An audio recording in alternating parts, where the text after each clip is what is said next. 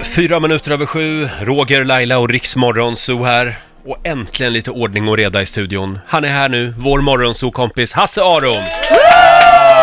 Tack, tack, tack, tack.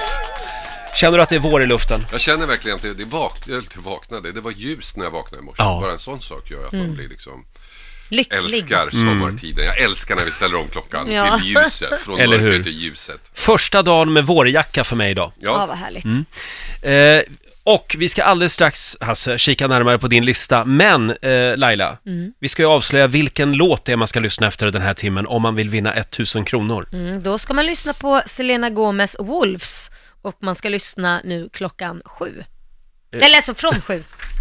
Från sju. Från sju. Ja. Någon gång den här timmen dyker Selena Gomez upp. Och när du hör henne, då ringer du oss. Samtal Jajamän. nummer 12 fram ska du bli. 0200 212 212.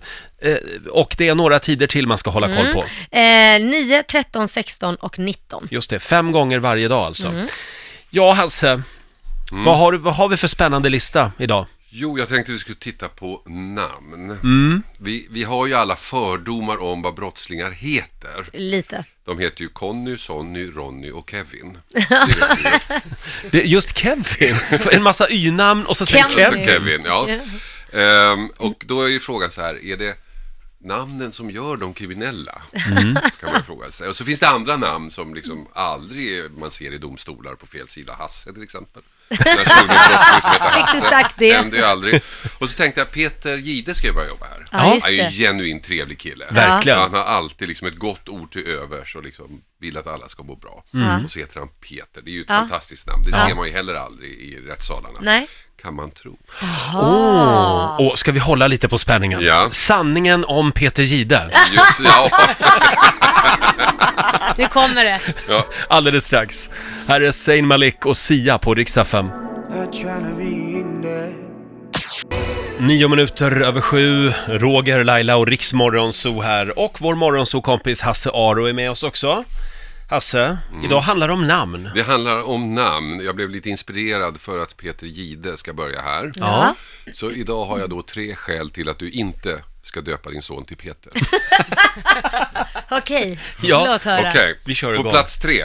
Åh, där har vi Där plingan. Mm. pling- plingar. Jag slog själv. Ja. På plats tre, Peter Tobin, 71 år, seriemördare, sitter på livstid i Edinburgh för tre grymma, jättegrymma kvinnomord, verkligen. Oj.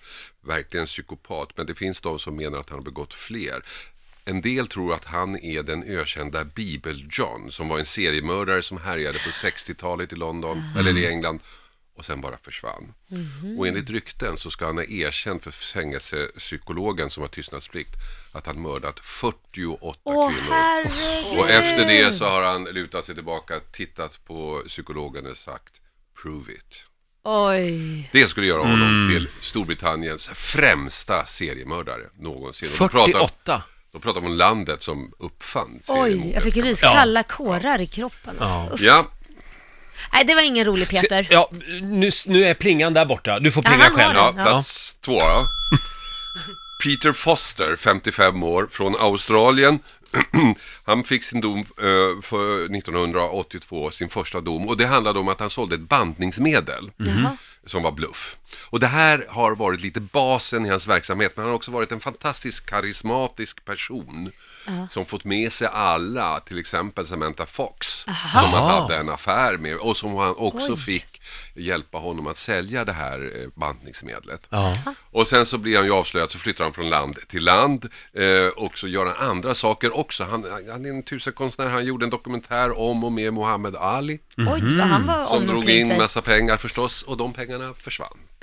Och han eh, var inblandad i en brittisk skandal där han lurade premiärministern Tony Blairs fru Cherie i fastighetsaffärer också. Så att det här blev en stor skandal i England. Och han hade en central roll när man riggade ett val i Fiji, på Fiji. Va? Han har sysslat med penningtvätt, matchfixningar och hästkapplöpningsskandaler eh, innefattande den mest berömda tävlingshästen i England. Han har suttit fängslad i Australien, England, Irland, USA och Fiji. Nej, Men men... hur Men- hinner han med? Ja, hur hinner han med? Han, men han är, han är översvallande, han ger intervjuer, han sitter på tv, han är fantastisk. Eh, eh, och eh, eh, själv säger han, jag har aldrig stulit en cent från någon människa. Och det tror han på själv fortfarande. Men då Wow. är man ju, men han, det har ju inte gått att bevisa då, Det har inte gått att någonting. bevisa. Nej, en del Men- av den, småsaker har han åkt dit för. Men Det, han, det man kan bevisa, det är ju att Samantha Fox bröst har vuxit. Så att, hon gick ju inte ner i vikt, nej, jag men tänkte säga, då funkade ju inte. Då kanske han skulle ha tänkt om. Ja, precis. Vill du ha större Nej. tuttar? Ja. Men bantningspiller, det var så det började Det var alltså. så det började, men liksom det här att han, bara det att han får en central roll i valet på Fiji.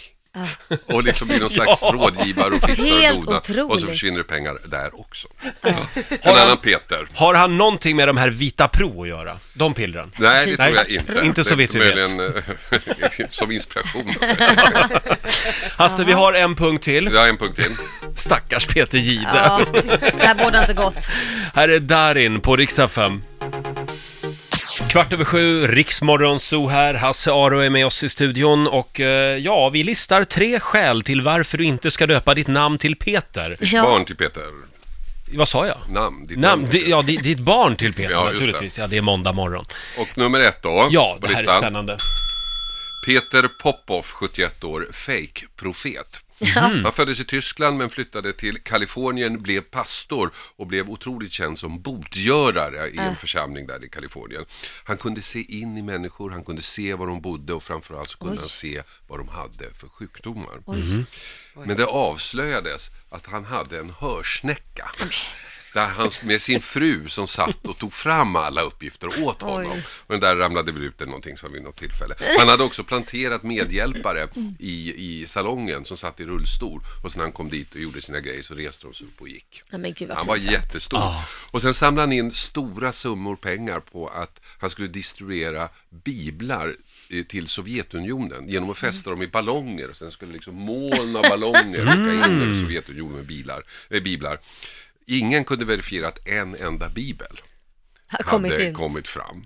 Så skulle man då gå hem, och han hade ju samlat in massor med pengar för det, Ja. så skulle man gå hem till honom och liksom, det, ble- polisen blev misstänksam, skulle göra husrannsakan och då, som genom ett under kanske, så drabbades han av ett inbrott.